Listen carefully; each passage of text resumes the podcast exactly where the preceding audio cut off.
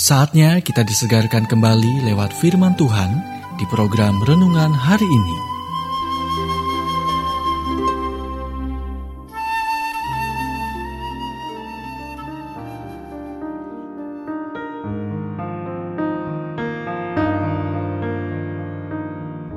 Renungan hari ini menghadapi ketakutan bagian yang keenam.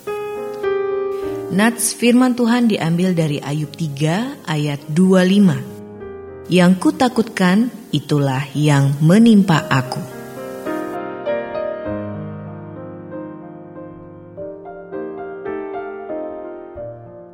Apakah Anda pernah berfantasi tentang solusi untuk masalah yang Anda takuti, mungkin atau akan menghampiri Anda? Ironisnya, ketika Anda melakukannya, apa yang dimulai sebagai ketakutan yang tidak berdasar dapat berubah menjadi masalah nyata karena Anda menghabiskan energi Anda pada pemikiran yang sia-sia, alih-alih tindakan produktif. Joel Tyer, penulis Never Fear, Never Quit, mengatakan impian adalah kunci yang diletakkan ketakutan di gerbang penjara. Ketakutan memungkinkan Anda memanjakan diri untuk sementara dalam angan-angan. Entah bagaimana Anda berpikir sesuatu akan terjadi untuk membuat masalah hilang. Pada saat Anda bangun, sudah terlambat. Apa yang Anda takutkan telah terjadi dan ketakutan telah mengalahkan Anda. Satu-satunya cara untuk melarikan diri dari penjara ketakutan adalah tindakan anda tidak bisa berharap jalan keluar Anda. Anda tidak bisa menunggu jalan keluar Anda. Anda hanya bisa mencari jalan keluar. Setiap kali Anda melarikan diri dari penjara ketakutan, Anda tumbuh lebih kuat. Ketakutan tidak memiliki manfaat dan keuntungan. Entah itu mendorong Anda ke arah yang salah dengan menghasilkan energi gugup yang menyebabkan Anda melakukan yang terburuk dalam situasi baru, atau menguras energi Anda saat Anda melawan efek melumpuhkannya.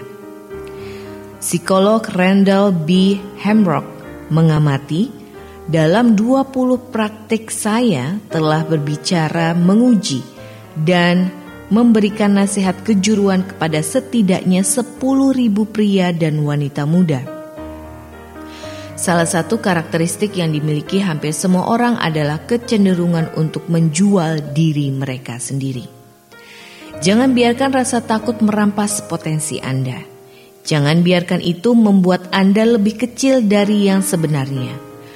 Percaya Tuhan untuk hal-hal besar, kemudian melangkah keluar dan berusaha untuk melakukannya dalam kekuatannya. Jika Anda melakukannya, Anda akan berhasil. Dijamin. Anda baru saja mendengarkan renungan hari ini. Kiranya renungan ini terus mengarahkan kita mendekat kepada Sang Juru Selamat, serta menjadikan kita bertumbuh dan berakar kuat di dalam Kristus.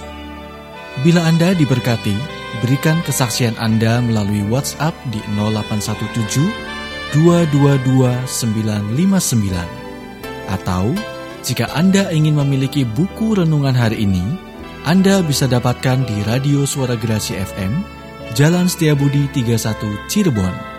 Dengar dan lakukan firman Tuhan, maka hidupmu akan selalu berkemenangan. Tuhan memberkati.